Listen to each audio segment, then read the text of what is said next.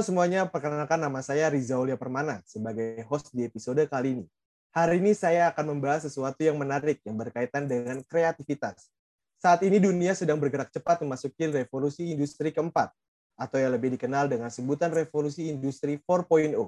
Setiap manusia kini dituntut untuk berinovasi dan berprestasi agar dapat bersaing di era globalisasi. Kreativitas menjadi elemen berharga yang dimiliki setiap manusia, dan saat ini kita sudah bersama dengan seorang kreatif spesialis dari salah satu YouTuber ternama, yaitu Eka Fahrama Putra. Kak Rama ini merupakan lulusan dari Public Relation Vokasi Universitas Indonesia. Langsung saja kita sapa narasumber kita. Halo Kak Rama. Halo semuanya, selamat malam. Halo Kak.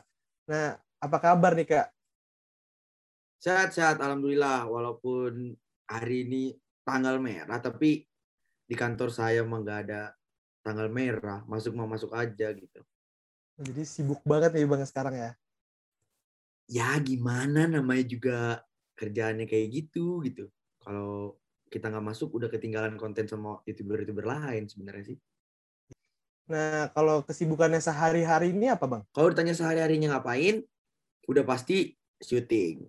Syuting tuh sehari bisa sampai 4 sampai 6 konten dengan empat talent yang dimiliki di tempat uh, saya bekerja. Itu tuh jadi ada empat youtuber yang di mana saya bertanggung jawab untuk mencarikan konten-konten yang berkaitan dengan uh, gaya atau tipe masing-masing youtuber. Kayak gitu aja sehari-harinya. Sampai malam deh, habis kerja kuliah gitu. Habis kerja oh, kuliah. Nah, untuk tentang topiknya nih bang, abang sendiri kan sebagai kreatif spesialis okay. nih. Nah, kalau boleh tahu kreatif spesialis itu? Oh, oke. Okay. Kalau boleh kasih tahu sedikit ya, kreatif spesialis itu menurut menurut pandangan saya, menurut saya gini, uh, pada dasarnya semua orang tuh kreatif. Tinggal sebenarnya kalian tuh vokal apa enggak aja sih gitu. Ketika kalian punya ide, kalian bisa bisa atau mampu nggak menyampaikan ide tersebut dengan baik, bisa mendeliver ide tersebut dengan baik. Karena gini, ini uh, pepat bukan pepatah ini ada satu kata dari editor dan kreatifnya Raffi Ahmad atau Ras Entertainment. Dia ngomong gini. Sebenarnya nggak ada ide yang original lagi semenjak era 2000-an ini gitu. Jadi jangan ragu buat ATM atau amati, tiru dan modifikasi gitu. Karena siapa tahu uh, konten tersebut atau materi tersebut ketika ada di kalian yang eksekusi lebih bagus. Kan kita nggak tahu. Kalau ditanya kreatif spesialis ngapain, jadi gini, setiap harinya saya bertugas untuk mensuggest, mensuggest konten. Kalau emang dia oke, okay, misalkan oke, okay, saya mau ini syutingnya atau mau ini ram gitu.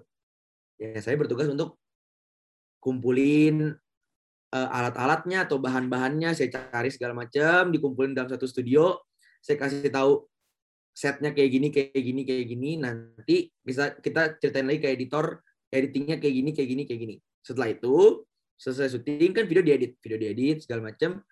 Saya juga menjadi gerbang terakhir untuk ketika video tersebut mau dipublish dan dikonsumsi like banyak. Kayak gitu sih kurang lebih sehari-hari. Dan apa itu kreatif spesialis menurut saya?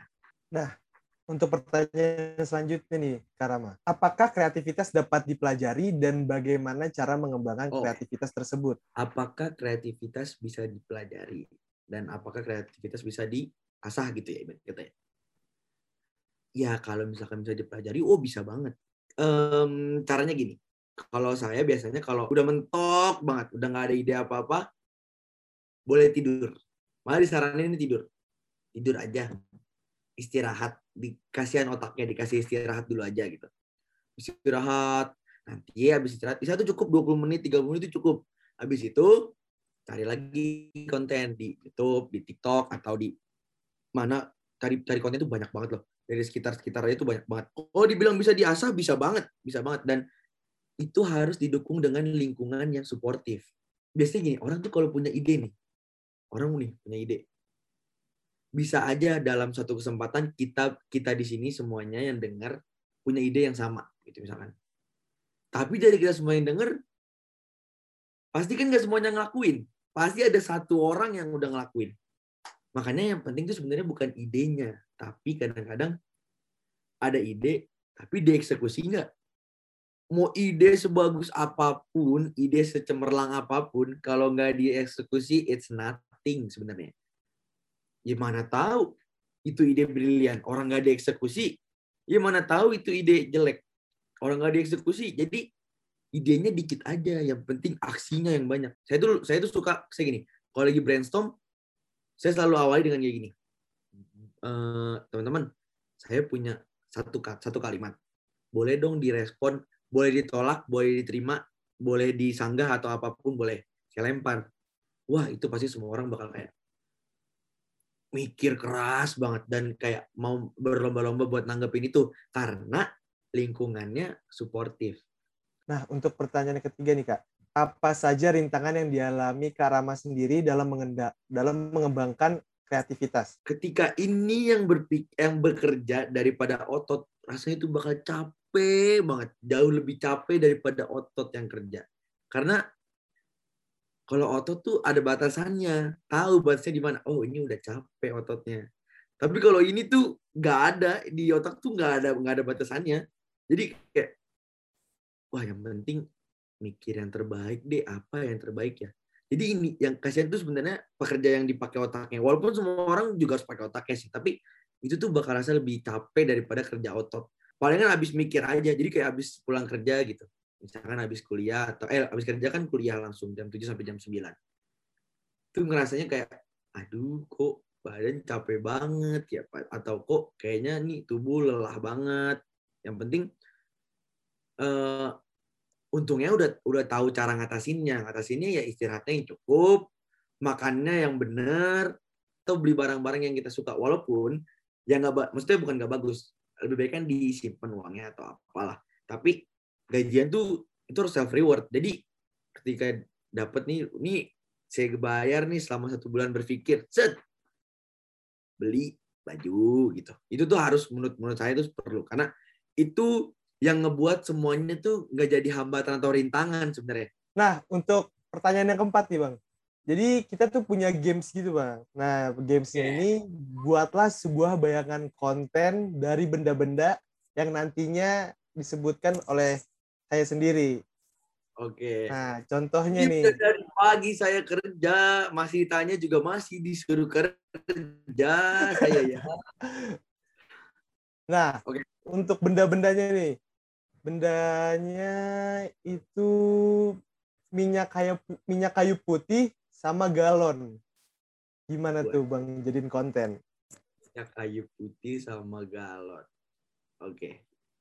Itu bisa itu itu itu kayaknya semua orang Indonesia bisa tuh. Jadi ini aja mainnya saya butuh dua galon sama satu minyak kayu putih.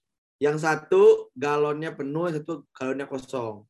Jadi nanti tugasnya adalah memindahkan air di galon yang satu menggunakan minyak kayu putih kosong ke galon satunya lagi. Kira-kira itu selesainya satu bulan lah atau dua bulan juga bisa sebenarnya. Tapi nggak terlalu lama. Tapi itu menjadi ide yang cukup menarik sih sebenarnya. Pinter juga kalian milih barangnya ya. Nah, kita sudah memasuki penghujung acara. Dari apa yang saya tangkap, kreativitas juga membutuhkan lingkungan yang mendukung. Mungkin Karama ada pesan-pesan yang ingin disampaikan kepada penonton?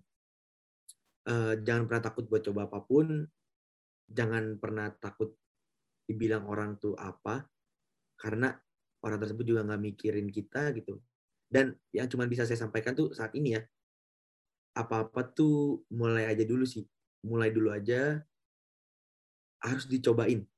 Selagi masih muda, selagi masih nggak ada tanggungan apa-apa. Banyakin salah. Banyak ya. Banyak salah ya. Bukan salahnya gede loh. Banyak. Tapi tahu cara ngatasinnya. Terima kasih Bang Rama. Nah, sangat menarik dan juga bermanfaat kan ilmu-ilmu dari Bang Rama ini. Semoga dapat bertemu lagi di lain kesempatan. Terima kasih Kak Rama untuk waktu dan kesempatannya. Kurang lebihnya mohon maaf. Terima kasih.